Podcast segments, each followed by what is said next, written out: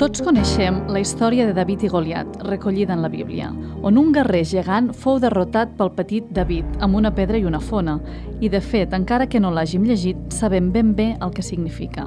És la victòria del petit envers el gran. Una història que ens recorda que encara que ho tinguem tot en contra, sempre hi ha la possibilitat de triomfar. De vegades pensem que només poden competir i aconseguir l'èxit les grans empreses, les multinacionals, els grans players del sector, els que juguen a la Champions.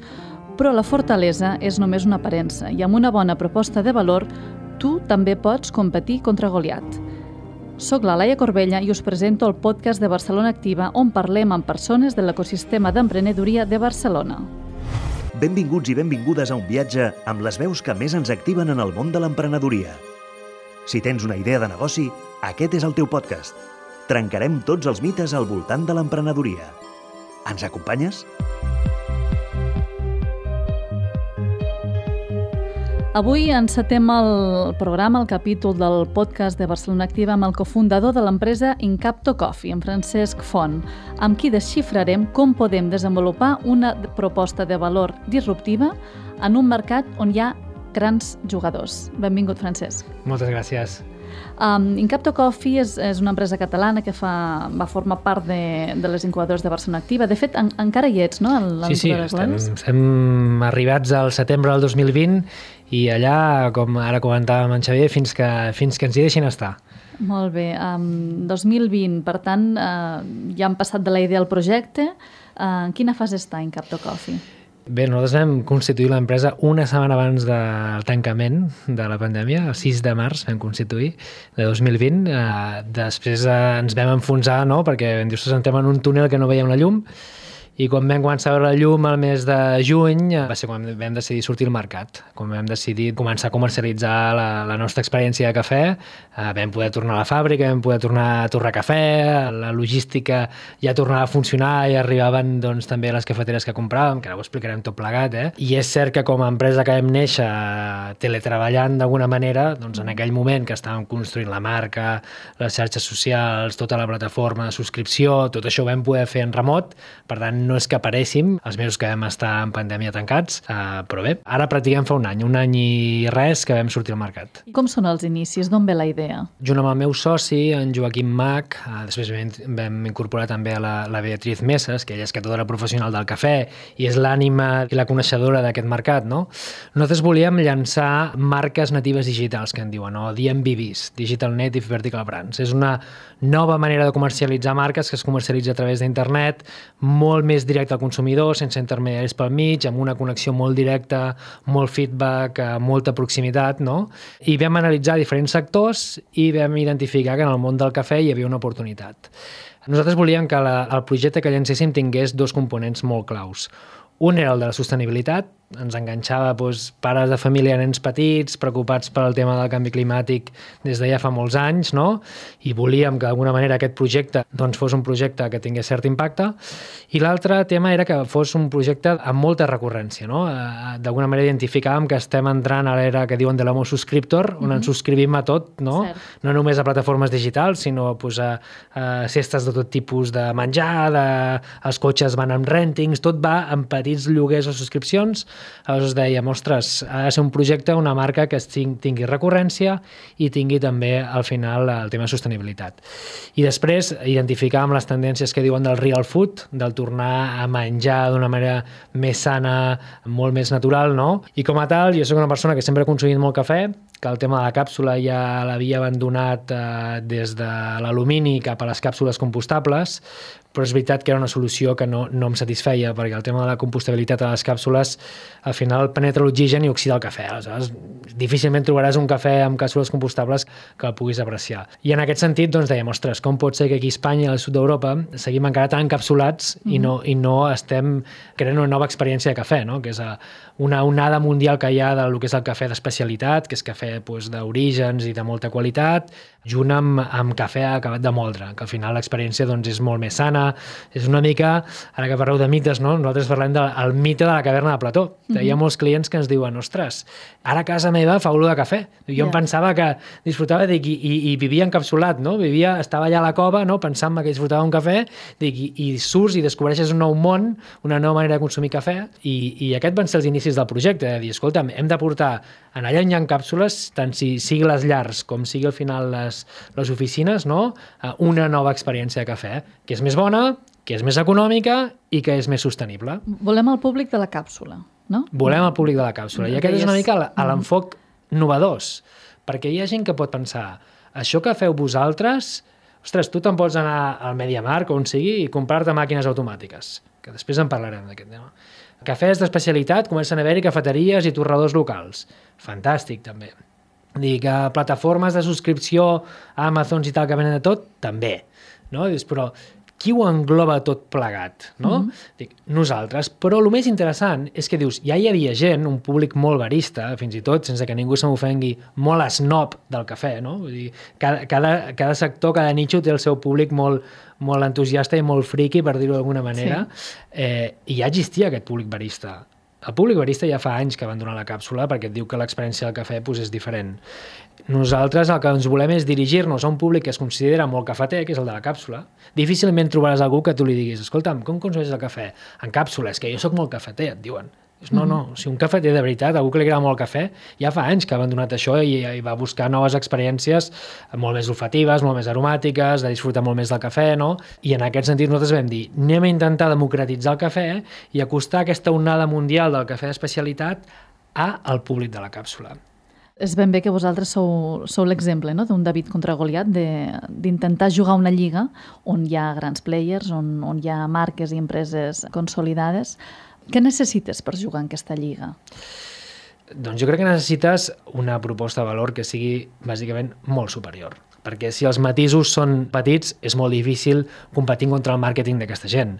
Nosaltres competim contra un Mita, que és Nespresso, competim contra el Cluny, competim contra l'estigma aquest de jo sóc guai perquè vaig amb càpsula Nespresso, no? Aleshores, eh, en aquest sentit, doncs, eh, nosaltres hem d'anar amb una proposta que sigui doncs jo diria, disruptiva, no des del punt de vista tant de la tecnologia o de fer superciència, uh mhm. -huh. sinó des del plantejament. Jo comentava cafè va per tu, de cafè al final tant li dones si és el nostre el que sigui, quan sigui cafè acabat de moldre, com si fóssim un suc de taronja. No és, no és el mateix un suc de taronja acabat d'exprimir que al final eh, agafat d'un tetravic del supermercat, no? Allò que deien que les cases tornen a fer un lot. Per tant, cafè molt més bo. Cafè més econòmic. Penseu que la càpsula s'està venent al voltant de 75 euros al quilo. Nosaltres estem parlant de cafè d'especialitat, que l'intentem democratitzar, i al, i al fer polítiques direct to consumer, que diem, no passem per intermediaris, paguem molt bé el caficultor i li retribuïm també amb un molt bon preu en el client, amb cafès d'especialitat a preus molt continguts, entre 20 i 25 euros al quilo. Uh mhm. -huh. Això si ho passéssim a consum, et surt uns, entre 15 i 20 cèntims el cafè, que és molt més econòmic que la càpsula. I l'últim és el tema de la sostenibilitat. A mi em sap greu, però no tinc cap problema en dir les coses com són. És espantós com les companyies estan treballant el concepte del greenwashing, fent anuncis, els mitjans donant-li eh, volada. Jo crec que qualsevol ciutadà pot fer una consulta l'Agència Catalana de Residus o el que sigui i preguntar que què passa amb la càpsula. Eh, la càpsula no es pot reciclar perquè no és monomaterial, de fet, ho podem veure, o sigui, no podem tirar el contenidor groc. I tot el que són productes petitets, per sota dels 7 centímetres, doncs van al forn, perquè són tan difícils de reciclar. Uh, aleshores, aquí la solució no és dir com innovo entorn a la càpsula, me'n vaig a, a càpsules sí, compostables. No, no, no és allò un factor d'innovació que dius, uh, no, no, no, o sigui, es tracta de dir les coses per seu nom, anem a buscar sostenibilitat, anem a buscar qualitat, anem a buscar un preu més contingut, no? i fent una mica una estratègia molt customer-centric que en diuen, no? O sigui, parlant amb molta gent et deia, què, què necessites tu per saltar la càpsula? Perquè hi ha gent que deia, sí, sí, jo sé, he provat cafès de bar molt més bo. Hi ha gent que et deia, a més a més la càpsula és caríssima, o a més a més és que se'm cau el cel damunt cada vegada que he de tirar les càpsules a les escombraries. Mm -hmm aquí hi havia un factor de convenience, no? de, de practicitat, i va ser quan nosaltres vam pentinar tot el mercat en búsqueda d'una màquina que complís amb el que nosaltres buscàvem. fins que vam donar amb un fabricant que ens fabricava una màquina com nosaltres volíem. Una màquina que apretant un botó en 20 segons et treu un cafè acabat de moldre. Una màquina petiteta, molt usable, molt diferent a les màquines automàtiques que estem acostumades acostumats a veure doncs, a les estanteries del Mediamar, no? Mm -hmm. que són molt més grans, molt més cares. I aquí és on probablement ve l'altra innovació. Dèiem, nosaltres no som uns fabricants de màquines. Cert que ara doncs, estem fent projectes a futur de màquines connectades, que fabricarem aquí a Espanya, màquines de, molt icòniques de disseny, són noves coses que traurem, però al final el que volem és una experiència de cafè. I en aquest sentit, nosaltres el que vèiem és que a la gent li havies donat aquesta practicitat, no hi ha més. I una màquina petiteta, ben xula, fàcil de fer servir, on apretes un botó, on omples una tolva de cafè, on simplement has de retirar el marro com qui retira les càpsules o omplir l'aigua. Això és el que volia la gent. Uh mhm. -huh. Per tant, només era posar-li fàcil a la gent. I en aquí vam donar la solució, però vam aplicar un model de negoci Quin, quin és el, el model de negoci? Vam fer un, el que diuen un back to basics, no? com a l'època dels mòbils. No? Ara tu ja no et pots comprar un mòbil amb permanències on et descompten el preu del mòbil. Nosaltres diem, escolta, la màquina te la venem a un preu molt contingut, pràcticament la més barata al mercat. Eh? L'estem venent a 269 euros. I què li demanem a la gent? Que estigui amb nosaltres un any, on li fem tot un trajecte als diferents cafès d'especialitat de tot el món. Que després vol continuar amb nosaltres, fantàstic. Nosaltres li volem generar l'hàbit. Si fem com els fabricants de màquines, què fan? Reben la màquina i multipliquen el preu per dos o per tres, no? Uh, i, la, i van a, als canals tradicionals, als MediaMarkt, Corte Inglés o el que sigui, i, i ja està. No? Doncs nosaltres diem, escolta'm, que no sigui un fre per tu el comprar-te la màquina, perquè nosaltres, si només ens dediquéssim a vendre màquina, hauríem d'estar venint la màquina a 400 o 500 euros, i és una despesa. Mhm. -huh. També és cert que fas una mica el càlcul de, de lo que t'estalvies amb el cafè en funció del consum mig de cada família i dius, escolta, la màquina te l'has pagat en 8 mesos i és una màquina que la tindràs per 10-15 anys i dic, per tant, el que acabes estalviant al llarg d'un any és eh, tan atractiu a nivell econòmic que val la pena fer aquesta inversió. I, I des del punt de vista de la teva experiència, quines serien les claus per dur a terme una bona proposta de valor i, per tant, competir amb marques consolidades? Jo soc... o, o com entres en un mercat on entres de manera disruptiva, sí, sí. entres amb, amb un posicionament més col·laboratiu? Nosaltres no venim a fer amistats aquí en la indústria del cafè. Mm, ens sembla que és un món mm, doncs, que ha d'evolucionar molt, que ha estat molt acomodat, que, que enganya molt al consumidor, eh? i crec que ara estem destapant amb moltes grans marques que s'està veient que no són tan saludables i que tot el que venen no és com ells eh, ens havien vengut, no? I nosaltres venim a, a implementar una nova manera de consumir cafè, més sana, mm. més justa, més bona, més sostenible, i a partir d'aquí doncs, ho hem de fer sense pèls a la llengua, perquè la gent, al final, vas al carrer i li preguntes si les càpsules es reciclen i et diran que sí. Després, en canvi, te'n vas a altres mm, regions que potser eh, ja són més conscients de la problemàtica i, per exemple, el govern de les Illes Balears està fent anuncis a la seva televisió patrocinat pel govern de les Illes Balears demanant-li a la gent que deixi de consumir en càpsules de cafè. Com xoca això quan veiem a la tele cada dia càpsules de cafè dient que, que reciclen les càpsules quan és mentida? Aquestes empreses en petit comitè després t'ho admeten, no? Per tant, home, hi ha un gran problema a la societat amb el tema aquest del greenwashing, d'explicar realment què passa amb els residus i nosaltres anem sense pèls a la llengua. És que I, i quins consells faltaria. donaries als emprenedors amb, bueno, que volen competir no, contra tots aquests goliats? Ja, jo soc professor universitari, dono classes a l'Autònoma des de fa 15 anys pràcticament i dono l'assignatura de creació d'empreses i quan em presenten els projectes ja els hi dic, només hi ha dues maneres I això és tirant una mica de, de teoria no? com deia el Porter, tu tens dues maneres o per proposta de valor és a dir, amb quelcom diferent o per preu però preu no en format de m'autoexplotaré, treballaré 24 hores, 7 dies a la setmana i em pagaré molt malament. No, no. Ets capaç de fer quelcom millor i més eficient, és a dir, amb menys recursos, i per tant pots oferir un menor preu.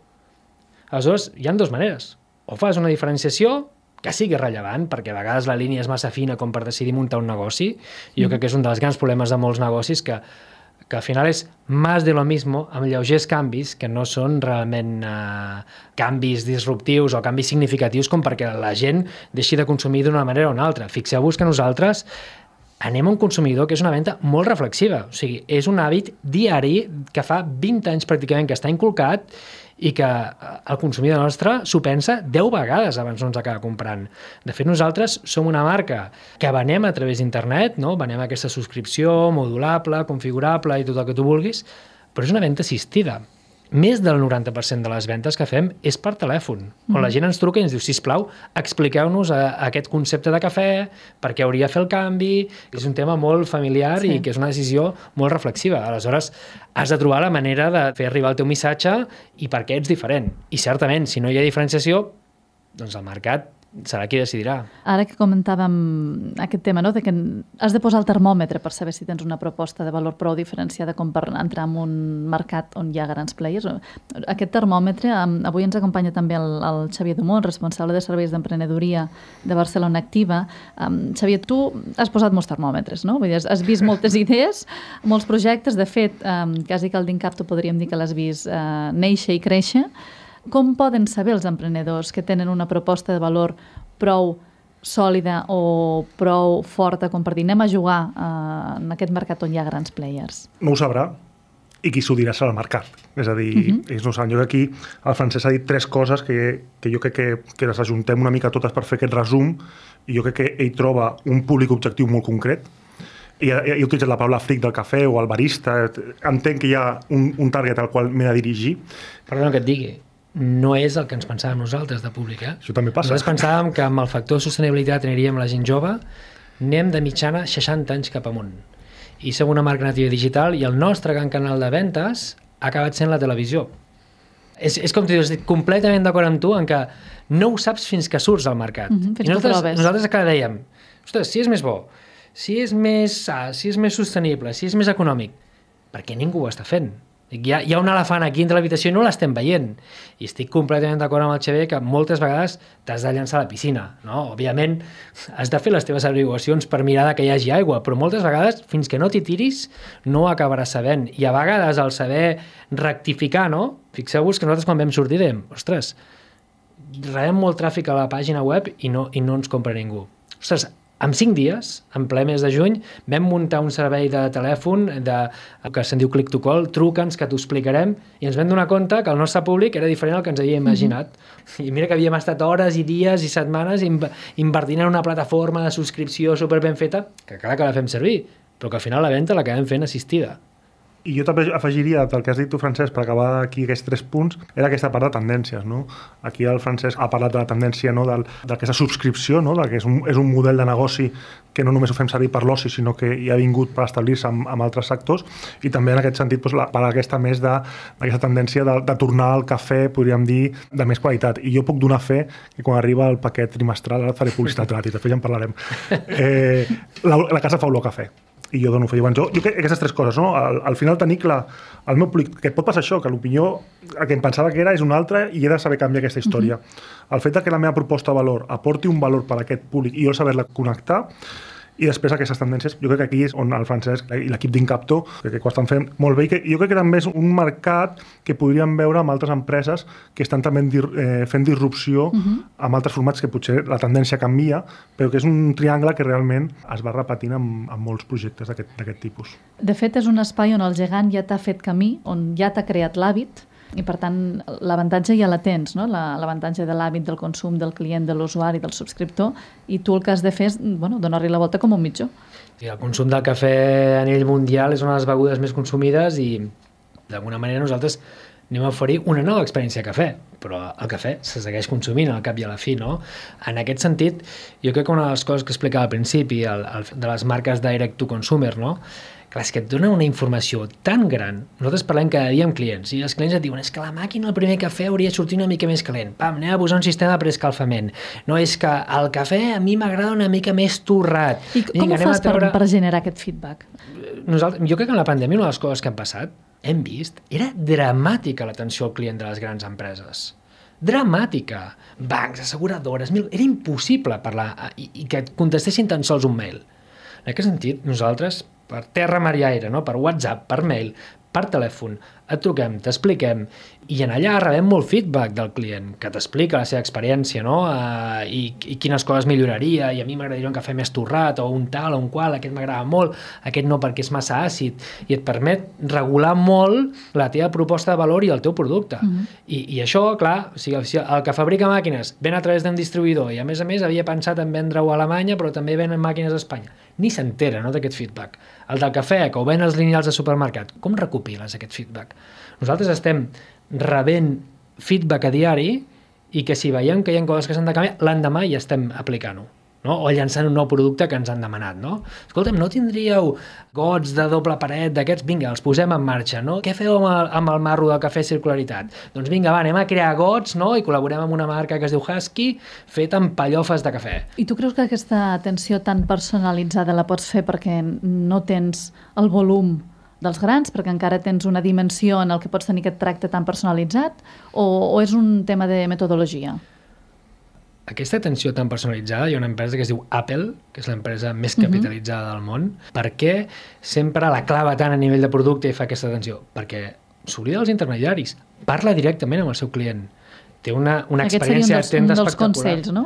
Sí, jo crec que al final s'està escurçant no? I la cadena no? de distribució i cada vegada més veiem les marques com van directament, eh? que al final eh, es genera un conflicte de canal no? i anar directe al consumidor perquè sigui la indústria de la cosmètica, la indústria de l'alimentació, estan sortint marques amb, aquesta, amb aquest posicionament direct to consumer, no?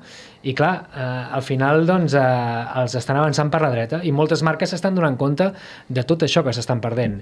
I en aquest sentit, clar, ens trobem amb el que diuen el dilema de l'innovador, no? Les marques que ja porten certa trajectòria, com innoven des del que ja tenen per no fer malbé el que tenen i, i a vegades, no és com dir, si comencéssim un banc des de zero, com mm -hmm. ho faríem?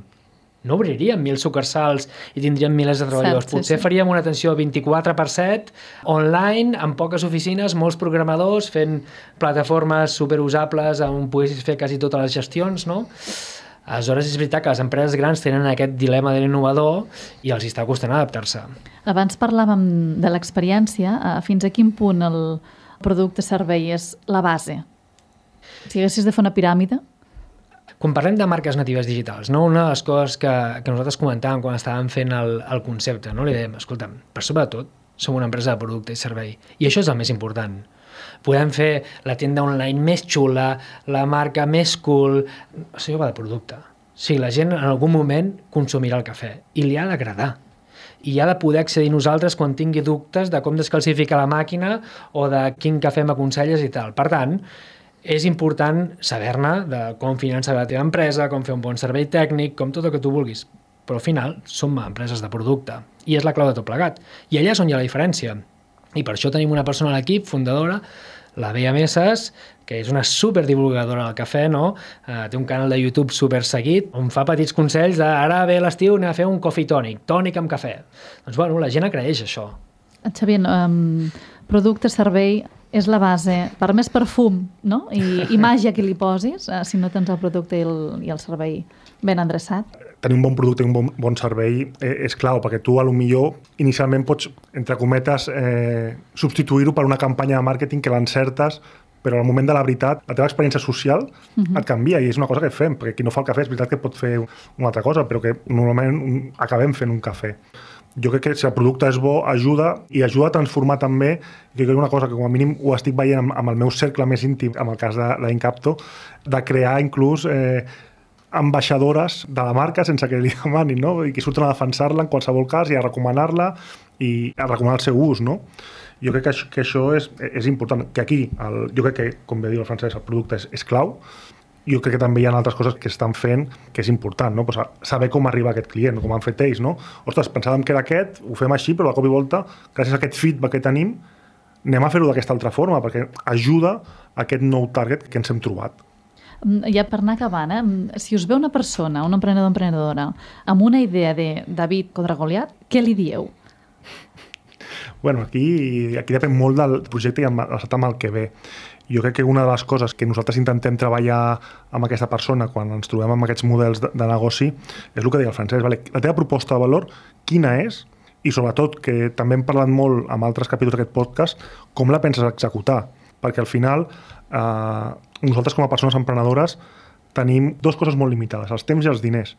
I un error nostre no és el mateix que un error d'una gran companyia. Uh -huh. Per què? Pues, pues segurament la gran companyia aquest gran error pues sí, tindrà el seu problema reputacional, però l'empresa segurament continuarà. Mentre que a nosaltres un gran error ens pot portar al tancament del negoci. Jo crec que aquí el pla d'execució d'aquesta proposta de valor sòlida i diferencial, no cosmètica, sinó realment diferencial, i com l'executem és el que intentem fer treballar amb la persona emprenedora. Jo li preguntaria, donant per suposat que té una avantatge competitiva, mm -hmm. li preguntaria quant de sostenible és aquesta avantatge competitiva? Perquè si Sostenible realment, en el temps, no? Clar, si tu la claves, no? quina barrera d'entrada pots posar perquè vingui el Goliat, no?